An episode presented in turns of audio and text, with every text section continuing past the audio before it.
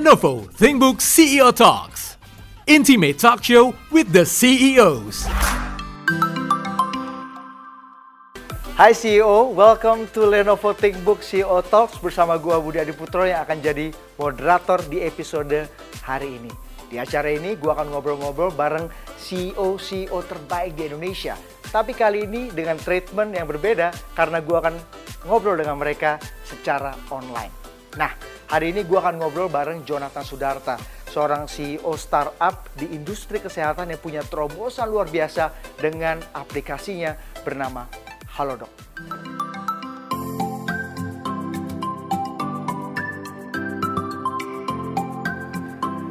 Dan gue ditemani oleh Lenovo ThinkBook yang cocok untuk para CEO dan entrepreneurs, terutama generasi millennials dan eh, Gen Z yang mencari perangkat kerja yang performance, security, dan connectivity-nya sesuai dengan standar sebuah business grade laptop. It's built for business and designed for you. Dan saat ini gue udah bersama dengan CEO Halodoc, Jonathan Sudarta. Halo Jo, apa kabar? Hi bud, very good, thank you very much. Sehat ya? Gimana Kita- kabarnya? Baik semua, meskipun lagi was-was, tapi kita harus tetap sehat, jaga imunitas tubuh, dan think positif supaya tetap eh, sehat gitu ya Jo.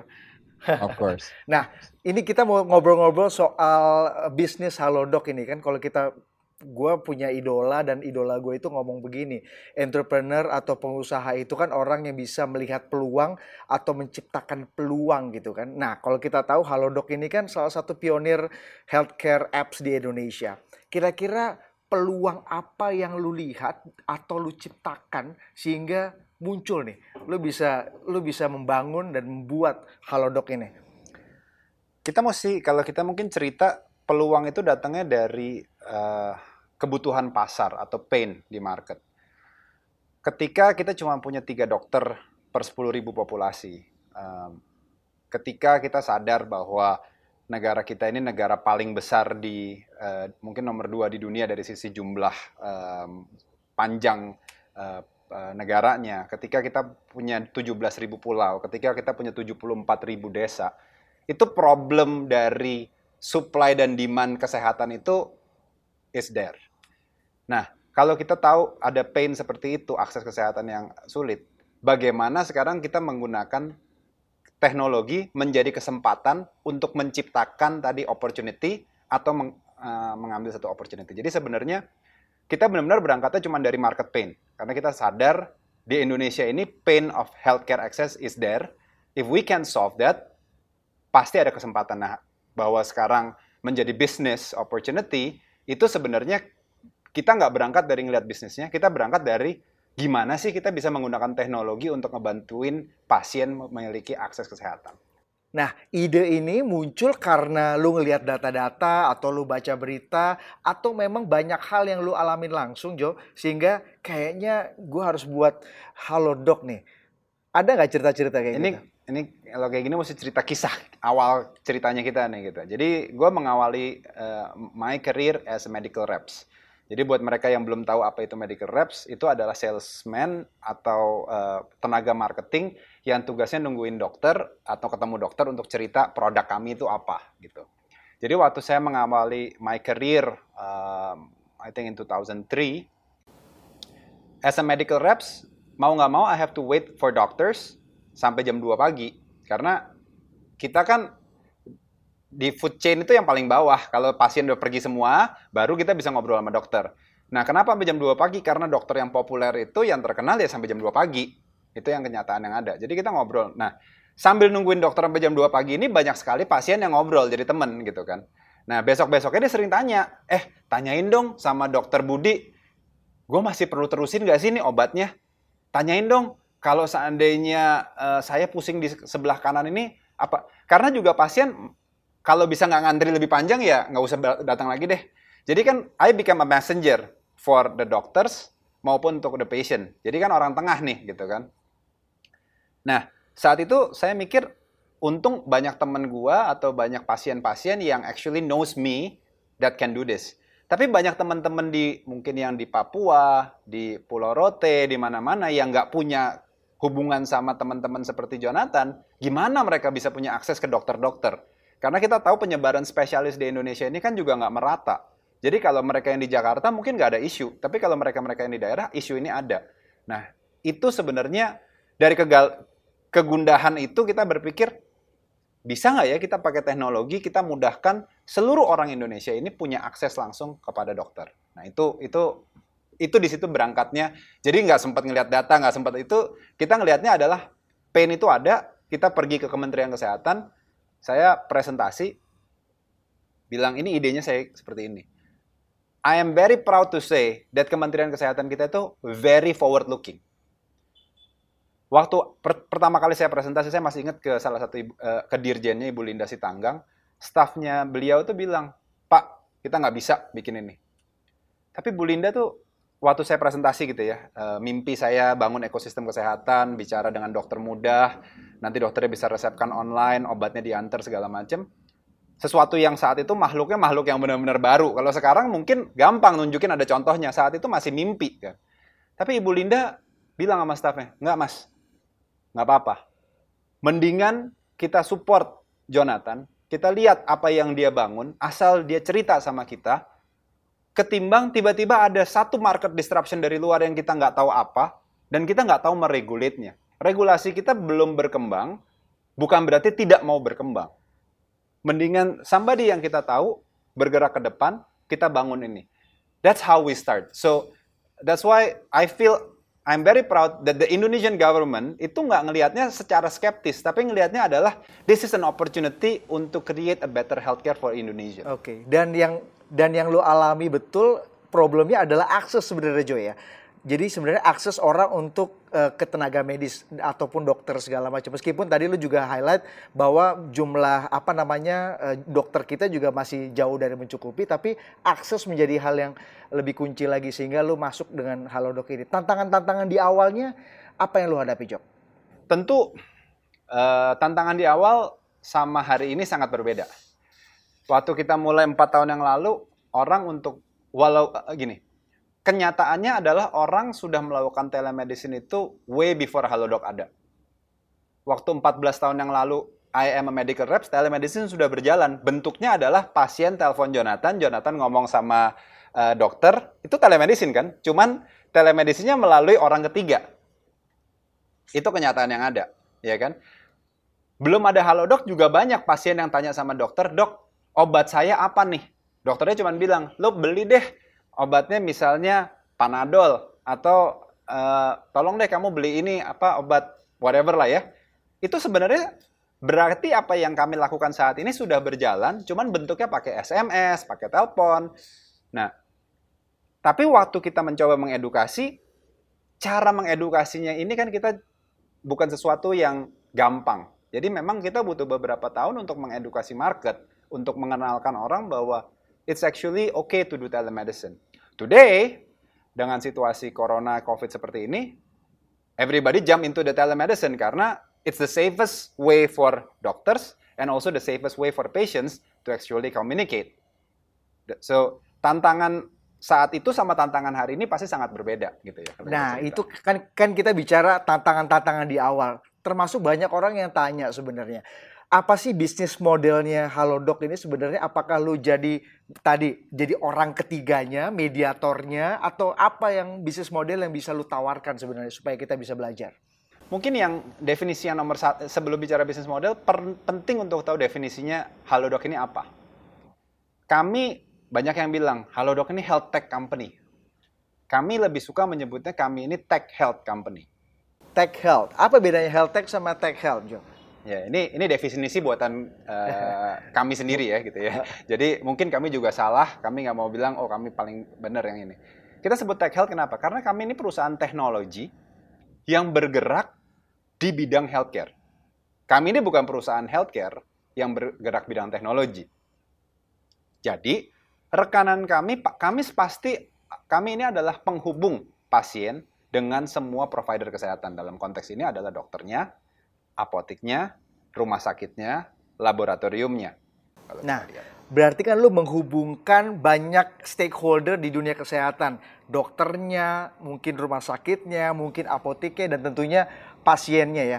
Gimana lu di Dan awal asuransi juga. dan asuransi, Asuransi juga. betul. Dan Ya. gimana lu di awal Jo itu meyakinkan stakeholder-stakeholder sebelum lu nyari pasien kan lu harus meyakinkan dokter-dokter dulu, insurance, apotek untuk mau chip in di Halodoc. Gimana lu meyakinkan mereka bahwa ini tuh terpercaya dan mungkin bisa jadi terobosan baru di dunia kesehatan?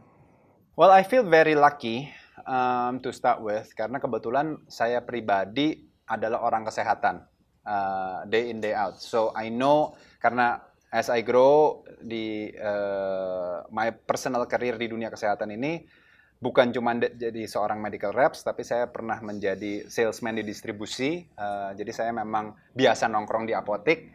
Uh, saya juga uh, kenal um, bagaimana eh, para rumah sakit itu karena saya juga besar di situ. Jadi saya kenal sama para pelaku pasar dalam konteks dokter. Saya di nomor di handphone saya aja ada 4000 dokter kali yang ada di handphone saya. WhatsApp yang saya bisa WhatsApp langsung. Oke, jadi prosesnya panjang dan nggak mudah termasuk mengganggu apa yang udah established selama ini gitu ya Jo ya? Kurang lebih gitu. Eh, istilah mengganggu konteks ini sebenarnya kita ngelihatnya eh, mengenabler kalau kita lihat. Karena kalau banyak orang bilang em, digital players is a disruptor. Kalau di dunia kesehatan yang kita disrupt itu bukan pemain eh, kesehatannya. Yang kita disrupt itu adalah jalanan aspal. Yang kita disrupt Oke. adalah waktu tunggu. Yang kita disrupt adalah eh, ketidaknyamanan untuk mendapatkan informasi. Jadi yang kita disrupt bukan dokternya, bukan rumah sakitnya, karena Halodoc sendiri sebagai pelaku eh, tech health kesehatan ini, kita bukan anti bawa pasien ke rumah sakit loh. Banyak orang yang bilang, oh Halodoc kan telemedicine, berarti musuhin rumah sakit. Faktanya kita kerjasama lebih dari 500 rumah sakit. Ngapain kita kerjasama sama rumah sakit kalau seandainya kita eh, mau mengganggu rumah sakit? Kenyataannya kita nggak mengganggu, kita mengenabler mereka. Dan akhirnya saling menguntungkan eh, relasinya Correct. gitu ya Jo ya. Oke, Correct. kan kalau misalnya kita bicara Halodoc, tentu aja pasien kan sangat bisa eh, dibantu oleh telemedicine atau Halodoc seperti ini gini ya. Gimana dengan dokter? Gimana dengan rumah sakit? Apakah apa benefit yang mungkin mereka rasain dan mungkin lu bisa ceritain sehingga mereka makin banyak yang chip in, makin banyak yang gabung dan makin banyak mak- mak- makin banyak yang kolaborasi gitu. Kalau kita lihat sekarang gini ya, ini kenyataan yang maybe um, ini kenyataan yang ada. Hukum Pareto atau 80-20 di Indonesia dari sisi dokter itu berlaku. Tiga dokter per kita kan cuma punya tiga dokter per 10 ribu populasi. Tapi 80% pasien atau mungkin ya 80% pasien itu di take care sama 20% dokter yang sangat populer. Jadi masih banyak dokter di Indonesia yang sebenarnya masih bisa dapat pasien lebih banyak. Nah, mungkin 20% populasi dokter tadi nggak terlalu pakai halodoc awalnya. Karena dia bilang, pasien gue udah penuh banget, John. Lo mau nambahin gue lagi pasien online nggak cukup, gitu kan. Tapi kenapa kok saya punya 20 ribu dokter yang gabung di Halodoc? Karena juga masih banyak dokter yang sebenarnya masih punya uh, bandwidth atau capacity. Secara matematik, it doesn't make sense. Tiga dokter per 10 ribu populasi harusnya semua dokter udah fully occupied. Tapi kenyataan itu enggak. Nah, dengan adanya Halodoc, mereka yang tidak mendapat kesempatan yang sama dengan yang 20% sekarang, menjadi dapat kesempatan yang sama. Begitu juga dengan pasien-pasien yang tadinya nggak nggak usah jauh-jauh deh, pasien yang tadi yang saya cerita di beberapa daerah di timur ataupun apa, nggak mungkin punya kesempatan ketemu spesialis seperti orang Jakarta. Budi pasti mau ketemu spesialis apa pun di Jakarta ini you don't have any problem. Tapi kalau kita bilang jauh- Gorontalo deh, teman-teman kita yang di Gorontalo, jumlah dokter jantung ataupun jumlah misalnya kita bicara psikiatri atau apa, nggak akan berbanding sama dengan mereka yang ada di Jakarta. Dokter jantung aja seluruh Indonesia kalau saya nggak salah cuma seribu. Berarti kalau kita lihat seribu, setiap dokter jantung ini mesti menangani 260 ribu pasien kalau kita ngomong. Dan dengan Halodoc, dokter jantung di Jakarta bisa melayani orang yang sakit jantung di Gorontalo Correct. atau di Maluku atau di Correct. Papua dan lu menghubungkan semua Correct. itu ya. Oke, ap- apa mungkin ini yang juga membuat uh, venture capital misalnya seperti North Star yang udah chip in di Halodoc ini bisa tertarik. Gimana ceritanya lu bisa kolaborasi atau bisa menarik para venture capital besar ini? Jo, Um, ya, ada cerita nggak di balik itu? Apa yang membuat apa sih akhirnya membuat mereka wah ini kayaknya punya potensi, gue harus bantu juga nih Halodoc. nih. saya rasa kalau kita lihat kebanyakan investor yang ada di Halodoc ini punya misinya sama. Misinya memang mereka punya sociopreneurship uh, angle. Uh, kalau kita lihat investor terakhir kita yang baru kita announce beberapa waktu yang lalu adalah Bill and Melinda Gates Foundation. It's very clear, Bill and Melinda Gates Foundation itu kami investi pertama mereka di dunia digital. Kenapa? Karena memang mereka punya mandat bahwa kalau kita melakukan investment, yes, there's a return of capital yang mereka cari, tapi they need to make sure that it's not just pure business, tapi ada aspek impact yang mereka berikan. Dan kalau kita lihat semua yang invest di Halodoc ini bawa message impact itu jelas. Jadi seperti sebelumnya UOB Ventures, um, Open Space, um, dan yang lain-lain yang yang ada di tempat kita, message itu memang very clear. Mereka suka dengan model yang kita lakukan karena uang yang mereka deploy ke kami ini bukan cuma berdampak kepada materi, tapi berdampak kepada kemanusiaan. Jadi message eh, eh, waktu kita cari investor pun very clear. Kamu punya nggak eh, social angle itu, punya nggak impact itu? Kalau memang punya, it's very easy. Karena metriknya kita is not just financial, Oke. Jadi bukan hanya tapi bisnis patience yang kita bantu. Bukan hanya bisnis tapi ada passion, ada social impact dan humanity impact juga yang kemudian itu akhirnya membuat cocok itu ya antara Hellodoc dengan para investor. Oke, ini kan kalau kita bicara mengenai bisnis digital, tentu saja apa namanya Halodoc ini kan apalagi di bisnis kesehatan ini bisnis kepercayaan nih, Jo. eh, gimana menjamin security? Ini juga ini kan kalau misalnya kita masuk ke data apa macam-macam di aplikasi itu kan berhubungan dengan data, berhubungan dengan security. Gimana lo memastikan bahwa data-data ini secure, tidak disalahgunakan dan membuat dokter, apotek, insurance, termasuk juga pasien jadi percaya sama lo. Yang pertama adalah em, kami menyebar em, perekordan informasi ini secara em, eh, server disbursement. Jadi contoh gini, Jonathan Sudarta itu dua informasi. Jonathan Sudarta berkonsultasi dengan Dokter Budi. Informasi ketiga, Dokter Budi memberikan em, konsultasi dalam bentuk chat. Itu informasi keempat. Chatnya apa deh misalnya, oh cerita. Ada informasi kelima tentang Dokter Budi memberikan resep kepada eh, Jonathan Sudarta tadi. Ini informasi kelima. Cukup ambil di sini dulu deh. Lima informasi ini kita save di lima tempat yang berbeda. Jadi kalau orang mau buka, nggak akan ketemu lima informasi ini kecuali dikawinkan semua. Jadi Jonathan, jadi orang bisa mungkin buka cuman kelihatan nama Jonathan aja, tapi nggak ketemu Sudartanya. Atau cuman kelihatan, oh ada resep obat apa aja, tapi nggak ketemu ini oh, ini punyanya pasien mana. Nah, di lima server ini, eh, di lima server yang terpisah-pisah ini pun kami melakukan enkripsi satu persatu, dan waktu mereka mau bergabung, kita encrypt lagi. Jadi double encryption. Jadi kalau ngelihat kayak gini, saya nggak mau jumawa bilang bahwa kita sempurna pasti nggak akan bisa di break dan lain-lain, amit-amit kalau kita bicara. Tapi at least as a human being, ya kita melaksanakan eh, upaya yang sebaik-baiknya dan kita juga melakukan regular penetration test terhadap aplikasi kita. Dan so far, we eh, ya kita cukup aman lah kalau kita lihat. John, oh, sebelum kita pindah ke Jonathan Sudarta secara pribadi, gue mau ngulik juga nih tentang pribadi lo. Tapi kasih perspektif kita dong, udah berapa tahun Halodoc ini berdiri, perkembangannya gimana John? Berapa dokter yang chip in, berapa rumah sakit, berapa pasien perkembangannya, terutama nih lagi masa-masa work from home seperti kayak gini, Halodoc kayaknya jadi solusi yang dinanti-nanti oleh masyarakat. Kasih kita perspektif John.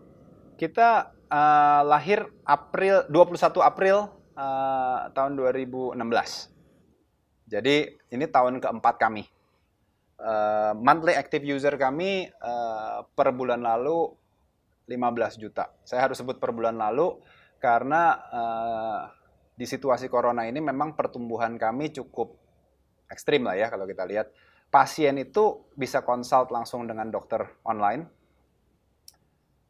Dikasih kalau pasiennya itu kebetulan memang punya symptoms uh, corona ataupun apa, uh, dokter sekarang bisa langsung refer mereka untuk melakukan rapid test di rekanan-rekanan kami.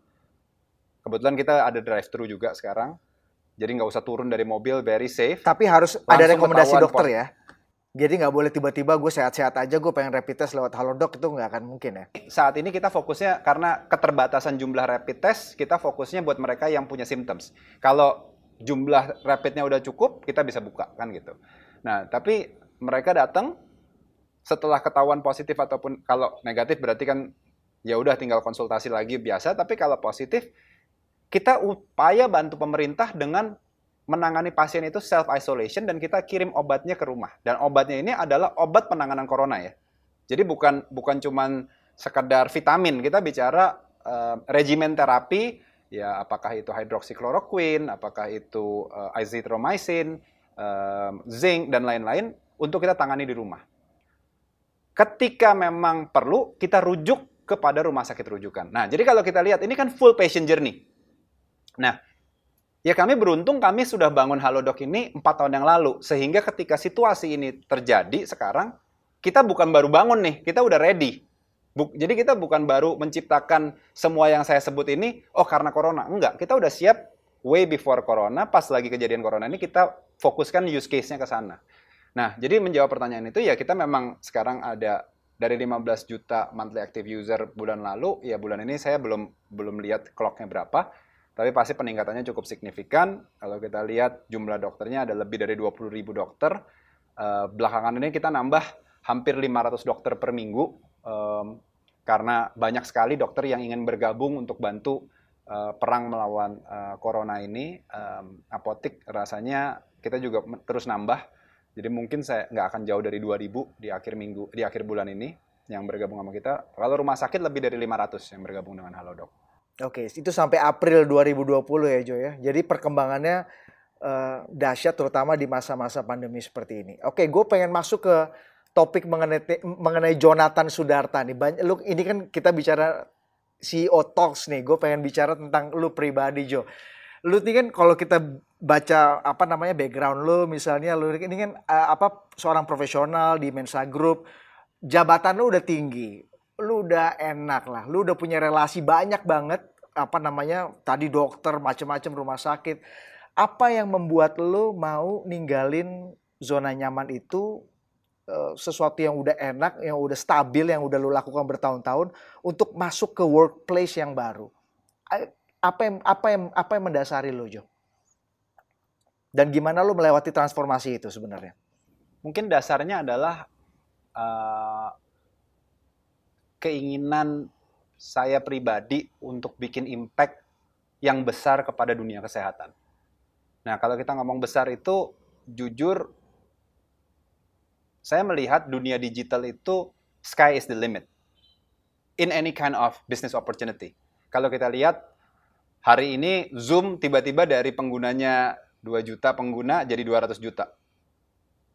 Kalau kita mau bikin pabrik, nggak mungkin kita bisa dari bikin 2 juta tablet ke 200 juta tablet dalam hitungan sebulan.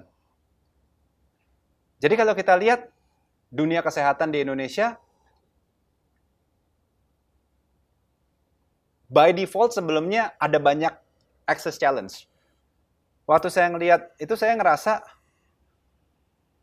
panggilan saya adalah can I try to contribute to actually create something with the knowledge and information that I have menggunakan teknologi itu panggilannya.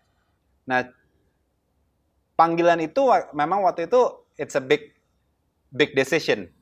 Istri, uh, keluarga juga sempat bilang, "Are you sure?"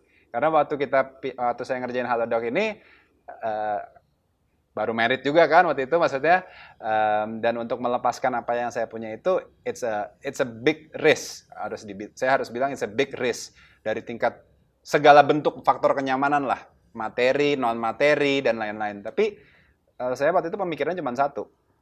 Umurnya saya masih um, tergolong muda. Kalau mau ngerjain ya harus sekarang. Kalau kalau kalau nunggu nanti momentumnya udah hilang, uh, umur saya juga udah nggak nggak mampu. I just have to do it. Orang denger atau orang tahu cerita Jonathan dari tadi kita udah ngobrol mengenai Halodoc yang perkembangannya luar biasa pesat, dipercaya banyak sekali stakeholder kesehatan, investor juga. Tapi orang pengen tahu, Jonathan Sudarta itu pernah gagal nggak sih dalam membangun bisnis? Kan kan ada ada orang yang bilang bahwa kalau lu pengen jadi pengusaha, lu nggak boleh takut gagal. Kalau lu takut gagal, mending lu jauh-jauh aja jadi pengen pengen jadi entrepreneurs gitu. Lu pernah gagal nggak Jo? Di Halodoc tahun 2017 ya, jumlah iterasi kami itu 200 kali iterasi itu berarti perubahan. Ya. Di Halodoc ya. Saya cerita kegagalan kita dulu nih, saya dulu nih gitu ya. 200 kali itu berarti 200 kegagalan. Karena kita ada perubahan kecil, perubahan kecil, perubahan kecil untuk sesuatu yang kita perbaikin. One of my biggest mistake adalah waktu itu saya bilang, guys, saya baru ngomong nih sama satu CEO asuransi kita bikin ya aplikasi kita begini begini begini begini begini. Semuanya mau nggak mau nurut kan? CEO ngomong nih, bos ngomong ya udah bikin deh. Benar atau salah ya udah kita bikin deh. Hajar. Kita spend tech tech time yang kita spend itu 6 bulan untuk bangun. Launching. Gede-gedean. You know how many people use it? Two people. Dua. Bukan 2 juta, bukan 200 ribu, bukan. Cuma dua orang Gagal atau berhasil? Ya gagal total. Ya kan? Karena market pain-nya nggak ada. Karena saya dan CEO teman saya yang dari asuransi ini, kita sama-sama fall in love dengan solusi. We do not fall in love with problem. And that is the one of the biggest mistake of every founders or every CEO in any company in health uh, in technology company adalah it's so easy for us to fall in love with solution, not falling in love with the problem. Jadi belajar dari kesalahan itu adalah belajar mengenali problem gitu ya. Jadi jangan terbuai dengan solusi-solusi kita mau bikin ini mau bikin itu tapi problemnya itu harus yang lo sentuh dulu. Korek. Karena makanya salahnya saya kalau dibilang gagalnya saya banyak banget gagalnya. Karena kita, saya bertobat bahwa fall in love sama problem itu nggak langsung, lama, rat, beratus-ratus kali saya bikin salah karena It's very easy untuk saya nih sama Budi nih, kita ngopi nih sekarang. Pasti keluar dari minum kopi, kita punya ide solusi. Tapi berapa banyak kita bilang ide problemnya dan jumlah yang punya problem ini berapa besar? Nah, jadi kalau dibilang kegagalan saya banyak sekali. Jadi kalau dibilang, kok Halodoc uh, banyak gak yang komplain di Halodoc? Ya banyak. Setiap komplain itu kan berarti satu problemnya kita. Yang kita mesti lihat how should we solve this problem? Pertanyaannya adalah problem ini diraks, di, gimana kita ngelihatnya? Problem ini adalah berapa juta orang yang punya problem. Jangan cuma dua orang yang punya problem. Yang tadi saya bilang, solusinya kita bangun, cuma dua orang yang pakai. Berarti ya nggak nggak ada problemnya. Oke, dan itu lagi-lagi butuh proses dan teladan dari leaders tuh ya Jo. Lu gimana lu membangun teladan itu ke ke ke employees lu? Kalau kita ngomong compassion, saya pribadi sampai detik ini masih ngeliatin sendiri semua um, apa namanya komplain di aplikasi. Dan for every complaint, I call uh, my team langsung, how can we solve this? For me to request my team untuk berada di depan, saya juga di depan duluan. I cannot say to my team, eh lo uh, pergi ke sini ya, tapi then I am not there. So, leading by example, I think, is very, very important. Not to punish your team because they make a mistake, tapi encourage them to understand why they do make a mistake is extremely important. Karena sangat gampang sekali buat kita marah kalau orang bikin salah. It's very easy, right? Tapi kalau kita marah, sama aja sama anak kita. Kita marahin anak kita tujuannya apa? Supaya dia tidak melakukan lagi, atau um, kalau kita pengen dia tetap berkembang, berarti kan kita mesti marahin dalam posisi salah, tapi nggak apa-apa, do again.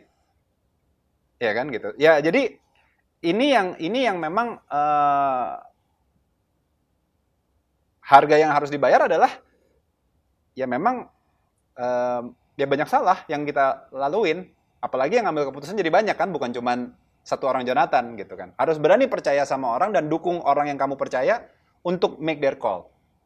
Nah lu nih kan dealing with the millennials nih karena karyawan lu pasti banyak banget yang millennials what do you think about the uh, employees uh, experience Jo karena kan uh, orang pengen kerja di suatu tempat bukan cuma gajinya, bukan cuma apa ya, tapi ada experience lain yang yang yang bisa lu tawarkan atau yang bisa didapatin sama karyawan lo. Apa yang lu tawarkan? What do you think about the employees experience?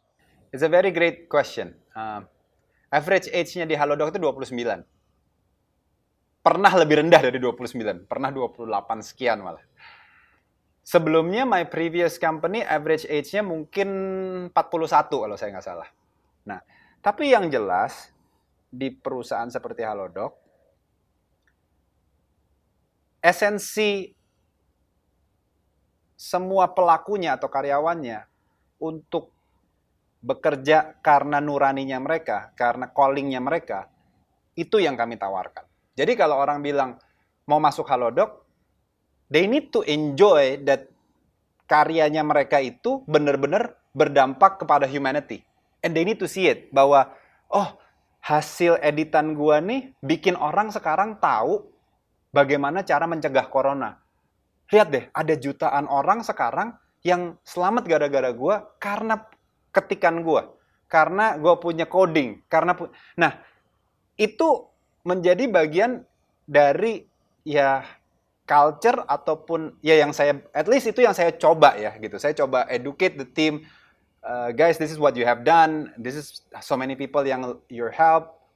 Itu yang kita coba bangun. Dan testimoni mungkin banyak karyawan yang bertahan di tempat lo adalah social dan humanity impact yang dibangun di corporate culture-nya Halodoc sendiri itu menyenangkan dan bikin ketagihan kali. Mungkin itu yang bikin mereka tetap stay dan mau uh, apa bareng-bareng sama Halodoc terus kali Jo ya. Moga-moga karena ya kalau kita lihat okay. secara data memang iteration kita nggak tinggi. Uh, kita hmm. di bawah 6%. Ya moga-moga uh, itu berjalan baik lah gitu.